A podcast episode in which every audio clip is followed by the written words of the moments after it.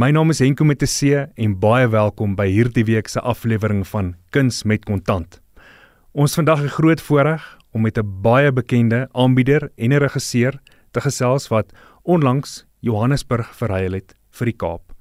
Denver vra hom baie welkom op Kuns met Kontant. Baie dankie Henko, dit is so absoluut 'n voorreg om met jou te kan gesels. Ek weet ek skuld jou hierdie gesprek al 'n geruime tyd en nou kry ons dit finally. Ja, Denver is so lekker om met jou te kan gesels en soos jy nou tereg sê ons wou al verlede jaar bymekaar uitgekom het, maar verlede jaar was vir jou asook jou vrou Ingrid Paulus wat ons so goed ken van Sewende Laan af. Sy het Vanessa Mentjies gespeel, jy het Sheldon gespeel. Ons weet dat vir julle as 'n egpaar in hierdie bedryf was verlede jaar sou ons maar sê julle het 'n dubbele terugslag beleef met Sewende Laan wat tot 'n einde gekom het en julle het ook nou in die tussentyd Kaap toe verhuis. O, absoluut ja, soos jy sê, dit was 'n dubbele slag vir vir ons as gesin. Jy weet ek as regisseur en sy as aktrise. So ja, en dit het ook mense oopgemaak, jy weet, en vir jare wou ek al my eie ding doen en nou kry ek die geleentheid en soos ek vir Ingrid ook sê, dis jy hekkie wat ons pad is, dis 'n hek wat oopgemaak het en nou kan ons alles in ons siel vir hierdie bedryf en vir onsself gee, jy weet, en begin geniet hoekom ons in die eerste plek die bedryf gekies het, maar soos ek ook altyd sê, ons kies die bedryf, die bedryf kies vir ons. En ag nee, dit is net 'n absolute doring in die vlees gewees, die manier hoe dinge gedoen was vir ons in die arts en die culture en al daai goede, jy weet, die oordrag van nuus is wat seer gemaak het en hoe dit oorgedra is, dis wat seer gemaak het. En Denver, jy en Ingrid vestig julleself nou opnuut weer in die Kaap. Daar's nuwe uitdagings en nuwe geleenthede op die horison wat vir julle wag. Maar was daar op enige stadium verlede jaar 'n punt waar jy en Ingrid as 'n egpaar 'n beklemming om julle hart gekry het toe hulle vir julle sê maar dis nou klaar en dit kom nou tot 'n einde in Desember. Hoe voel dit om dan vir 'n oomblik terug te sit en te besef maar ek is werkloos en wat nou? Of was dit glad nie 'n geval van jy het op 'n hoopie gaan sit en bekommer en in trane uitgebars nie. Ek dink vir Ingrid was dit bietjie swaarder enkel met 'n see. Vir my wat al 31 jaar bedryf is as vryskut, het dit so moeilik gekom en ek het dit sien kom, jy weet, ek is al daai deur met die goalie, ek is daai deur met Isidingo. Jy sien hierdie goedjies kom, maar vir my vrou wat nou al 23 jaar betrokke daarbey was, was dit nogal ek dink 'n ou steekpuntjie gewees, jy weet. Maar ek het vir haar gesê, daar gaan soveel meer opportunities kom en sy moet nou net embrace dit wat vir haar wag. En ons het lank gewag, jy weet, sy het onmiddellik kort na ons nuus het sy goeie nuus uit die Kaap het gekry en ek het ook maar my flikkers uitgegooi daarso. En ja, hier is ons nou en ons is op 'n nuwe loopbaan weg as ek dit so mag noem met nice uitdagings en 'n splinte nuwe reis, sal ek sê. En Ingrid, ag sy's 'n amazing vrou, jy weet, en 'n sterk vrou. Ons altyd bietjie geknak net om jou vraag te antwoord, maar dit was nie 'n sak en as knakkie. Dit was 'n knak van okay, wat wag nou vir ons? Kom ons wees nou eerlik hieroor. Kom ons kyk die dinge in die oë, jy weet, vat die bil by die horings en ons hardloop aan mee en ons kyk want ons dat ons vat, jy weet. En hier is ons nou in die Kaap met nuwe geleenthede soos jy sê. En ja, ons wag net vir die reis om met die wegspringblok uit te kom om die reis verder aan te pak. Ja, en ek gun vir julle albei 'n nuwe begin en nuwe loopbaan hoogtepunte. En as 'n mens maar in ag neem, Ingrid het basies op die stel van Sewende Laan groot geword. Sy was vir 23 jaar daar en ek dink sy het selfs as 'n jong 22-jarige dame het sy begin as Vanessa Mentjies in Sewende Laan. So dit is wat sy geken het vir 23 jaar. So daarmee saam gaan ek regtig net vir julle hierdie nuwe begin in die Kaap en ek is baie jaloers. Die Kaap is 'n pragtige pragtige plek om te woon en te werk. ja. Absoluut. Ek was vroeër hier gedurende COVID het ek en my oudste afgekom. Ek was vir 'n ruk lank weg van Sewenland. Ek het letterlik bedank ja om ander redes wat ek nou gaan noem nie. En ek het afgekom Kaap toe en ook om my autistiese dogter net social skills aan te leer, nuwe mense te ontmoet en so aan en toe stryk COVID. En dit hou toe vir ons hier vir 19 maande wat 'n awesome tyd was, jy weet. En Ingrid het hom kramie onder geboorte geskenk aan Anna en sy is weer na haar maternity leave terug Johannesburg toe en toe word die reis vir ons 'n bietjie alleen hier onder en toe sê ek vir Bella kom ons gaan terug Joburg toe en dis ook terug geland het in Johannesburg en weer my werk as regisseur hervat het by Sewenland. So die Kaap is nie net vir my nie, ek het hier groot geword, ek het my loopbaan hier onder begin in 1993, jy weet met the big friendly giant. Saam met Toby Cronje en van toe af was dit 'n reis wat al hoe mooier geword het. Het ook sy ups and downs gehad. Ek wat van die rails af gegaan het vir 'n ruk en toe vir 'n paar maande food and beverage gaan doen het, silver service, by die hard rock gewerk het, bottels gegooi het en en so aan.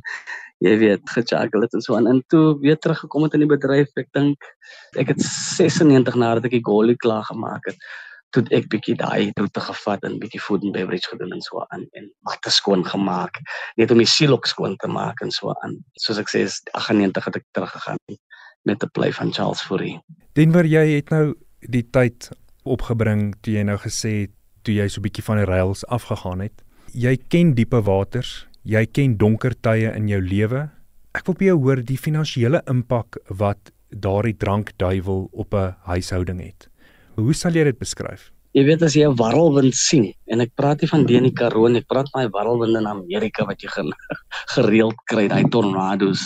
Dis so dit vol en diepe waters waarin ek 'n rol gespeel het was lekker, maar die diepe waters waarin ek persoonlik was, was een van daai tornado's. Finansiëel het dit ons heeltemal geknak. Nie baie ergie, maar ek het die impak daarvan besef toe ek ophou. Toe besef ek, maar daai geldjies kon vir iets anders gegaan het, jy weet. En ek was ook nie 'n groot drinker nie. Ek was 'n binge drinker. Ek sal vir maande, weke daarsonder klaar kom. Maar dan kom maar daai moment in jou life, dan gaan jy groot. Ek gaan groot en so aan. En dan besef ek, o, oh, maar dis nog 1000 rand later. Daai 1000 rand kon vir petrol gegaan het of vir skoolgoed of vir Bella en dis meer. En gepraat van Bella, toe sy nou vir haar ma sê, he's never going to change why do you believe him? Het dit aan my geruk en dit is soos 'n aartappel wat uit die grond uitgepluk word as jy dit oes. En dis wat my paadjie verander het, dat dit my gevat op 'n journey van myself vind. Ek het vir 2 weke ek skoon gegaan en toe het ek myself ingeboek. En waar kon huil oor my oorlede suster, my oorlede ma, my tannies en dis meer. Want ek het as akteur my emosies was altyd in my karakters en nie myself nie en dieselfde as regisseur jy weet ek het altyd ander karakters moes ek werk aan en nooit myself nie dit was 'n rowwe tyd in my journey om uit die drankmisbruik journey uit te kom en dit is nog steeds 'n struggle maar daarom nie daai struggle van o ek gaan nou weer vanaand seker by nie gesuie gaan nie nee dis 'n struggle van jy ek hoor goed in 'n ander lig. Ek sien goed in 'n ander lig. My musiek klink baie awesome en die kleure is vir my asemrowend. Ja, want jy het ook al op 'n vroeë geleentheid genoem dat jy sien dinge nou in vol kleur en nie meer in swart en wit nie. Ja.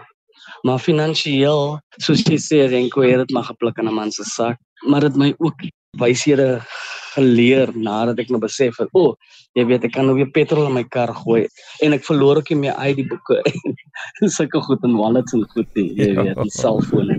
Wat ek treffend vind van wat jy nou met ons gedeel het is dat dit 'n kind se woorde gevat het om jou aan jou hart te gryp en wat op die ouende jou tot werklikheid geruk het en jou tot daai besef laat kom het dat jy wil dit tot 'n einde bring en dit net stop. Absoluut, absoluut. Jy was die uiters gewilde aanbieder van Words and Numbers. Die feit dat die program soveel benoemings ontvang het en dat jy so uitstekende aanbieder van Words and Numbers was, beteken dit dalk dat jy 'n slag het met syfers? Man, ek het 'n vermoede gehad op skool en ek het nooit daai vermoede opgevolg nie. ek het tot 'n matriek wiskunde gedoen. Maar hierdie aanslag was vir my omdat ek so baie met kinders gewerk het al van 16 jarige ouderdom wat kinderteater doen en dis meer. Toe Johan stem met met dit na my toe kom, was dit net okay, hier moet ek seker opknap, maar gelukkig kry ek die antwoorde voor die tyd. Dis net om die verduidelikings partykeer daar uit te kry, jy weet wat is 'n fraction en wat is dit? jy weet wat is 'n ratio? Dank Vader, ek het wiskunde gehad op skool, so dit help daar 'n bietjie. En Johan Stemmet se vrou was 'n wiskundewyseres. So sy kon my ook guide. En omdat nou ek doen dit al 20 jaar, jy weet. So hooplik doen ons dit nou weer hierdie jaar. Ons skiet so elke tweede jaar 'n reeks van 52 episodes.